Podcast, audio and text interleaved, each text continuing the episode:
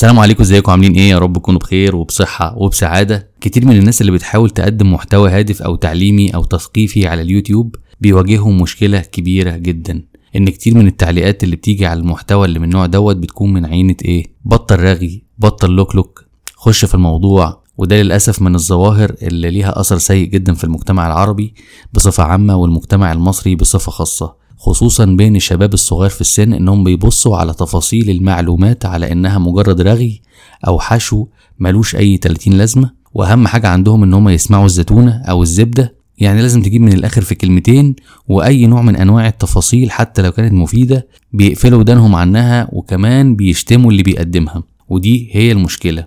ليه مشكلة؟ لأن كتير من الشباب بيكون مكون ثقافته من أنصاف معلومات أو أرباع معلومات أو حتى قشور قشور المعلومات وبتكون المعلومات ديت حاجات في منتهى السطحية كلام عام جدا محتاج كتير من التفصيل والتدقيق عشان يتحول إلى معلومة صحيحة. ده بيخلي عندنا مجتمع الثقافة غايبة عنه وبالتالي الوعي بتاعه بيبقى أقل وده بيخلي انتشار الشائعات أو المعلومات المغلوطة أو الأكاذيب بيكون سهل جدا وبينتشر في المجتمع انتشار النار في الهشيم لأن الناس مبقاش عندها أي أساس تقدر تميز بيه المعلومة الصح من المعلومة الغلط لأن لو فتحت دماغ أي حد هتلاقي عبارة عن قشور معلومات غالبها مستقيها من مواقع التواصل الاجتماعي أو خد معلومة من قناة أو قرأ معلومة كده صغيرة من على موقع اللي كتبها أو اللي قالها ما دققش في المعلومة وكان الغرض من المعلومة اللي بيقدمها هو إنه يجيب ترافيك أو يجيب مشاهدات مش الغرض إن هو يوصل لك المعلومة بشكل كامل. أفتكر زمان وأنا في المرحلة الإعدادية وده من زمان قوي يعني كان عندنا درس في العلوم بيتكلم عن تركيب الصواريخ فجه في بالي سؤال بان ساعتها إن هو بالنسبة لي منطقي جدا.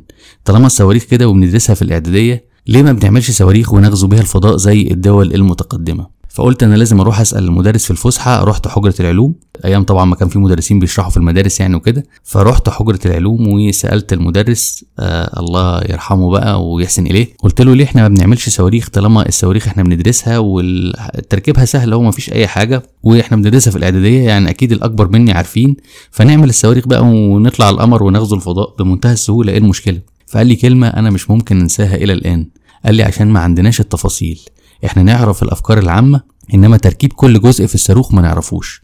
السر دايما في التفاصيل الأفكار العامة ما بتبنيش لا دول ولا بتبني علماء. ومع الوقت ولما كبرت عرفت إن مقدار تميز أي إنسان في أي مجال سواء حرفي أو علمي أو حتى فني هو اهتمامه بالتفاصيل. عدم اهتمامنا بالتفاصيل ونظرتنا للتفاصيل في كل أمور حياتنا بيخلي عندنا نسبة كبيرة جدا من السطحية.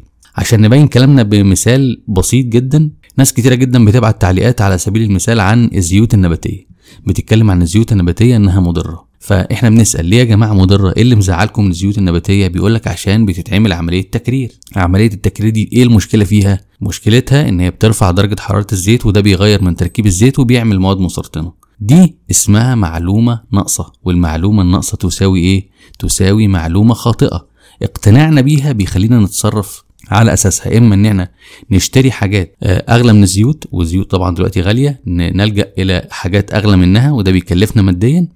أو الفقير اللي مش قادر يجيب بدائل الزيوت بيضطر يستخدمها وهو عارف إن هو كده بيضر أسرته بي وبيضر عيلته بيستخدم حاجات مضرة وهو عارف إنها مضرة. إيه التفاصيل بتاعت المعلومة؟ في عجالة كده طبعا ده عايز لها حلقة لوحدها الزيوت النباتية دي إن عملية التكرير بتتم جوه المصانع عند درجة حرارة مرتفعة في معزل عن الأكسجين وتحت ضغط معين عشان ما يخليش تركيب بنية الزيت تتغير. لأن لو أنا سخنت الزيت وسكت قلت إن الزيت بيسخن في عملية التكرير وسكت مش هيبقى كده مصنع زيت هيبقى مصنع حرق زيت. في فرق بين عملية حرق الزيت وفي فرق بين عملية تكرير الزيت. وإذا كان عملية التكرير دي بتضر ليه المصانع بتدفع ملايين الجنيهات وتعمل تنكات تكرير للزيت إذا كان الموضوع هيبقى مضر. هم هيتكلفوا ملايين عشان يضرونا وليه الأجهزة الرقابية على مستوى العالم في كل دول العالم بتبيح ذلك؟ فالموضوع محتاج تفاصيل عشان تعرف المعلومة كاملة. بعد ما حضرتك تعرف المعلومة كاملة تبقى أنت حر تتفق معاها أو تختلف. في قاعدة كده بياخدوها الجماعة بتوع الفقه اسمها الحكم على الشيء فرع من تصوره. لازم تكون متصور الموضوع الأول. عندك فكرة كاملة وتصور كامل عنه الأول واصل لك المعلومة كاملة عنه الأول وبعد كده تبقى تحكم عليه. سواء ترفضه ما تجيبش زيت أنت حر.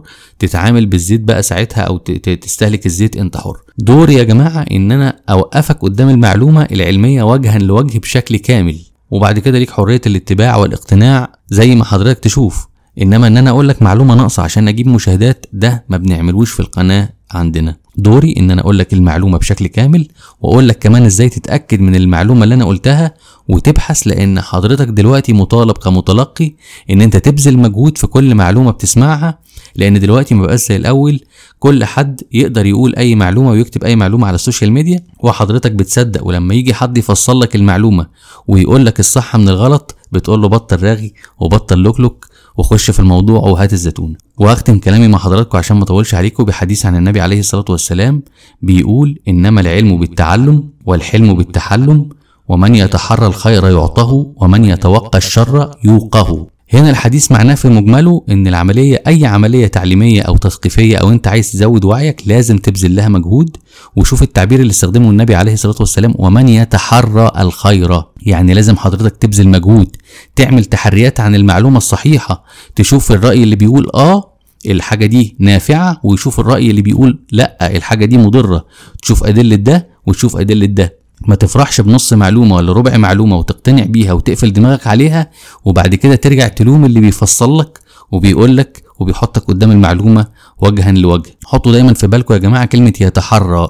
يتحرى يعني يبذل مجهود زي ما الشرطي كده بيعمل تحريات عشان يوصل للمتهم أو الجهات المعنية بتعمل تحريات عن موضوع معين عشان تعرف إذا كان ده صح ولا غلط. حضرتك برضو مطالب إن أنت تعمل تحريات عن كل معلومة بتوصل لك وتبذل فيها مجهود وما تقفلش دماغك على نص معلومة وتقتنع إن هي صح لأن في فرق كبير جدا بين المعلومات واستخدام المعلومات لتوجيه الناس. أنا بقولك المعلومة كاملة عشان الغرض عندي إن أنا أزود درجة وعيك وأزود درجة تثقيفك بكل حاجة بتاكلها أو تشربها. ممكن برضو ألعب على السهل وأستخدم المعلومات اللي عندي في توجيهك لحاجة معينة وأنا اللي هستفيد وحضرتك هيفضل وعيك زي ما هو واقتناعك عن الحاجات مغلوطة زي ما هي. فأيهما تختار؟ لازم نعرف يا جماعة إن التفاصيل مهمة وإن التفاصيل مش رغي ونلتقي على خير إن شاء الله في حلقات قادمة. ويا رب فكرة البودكاست ده تكون عجبتكم ويا ريت تقولوا لنا رأيكم في فكرة عمل البودكاست ده كل فترة كده. يا ترى بتستفيدوا منه ولا لأ؟ سيبوا لنا رأيكم في ال comment. أشوفكم على خير الحلقة الجاية.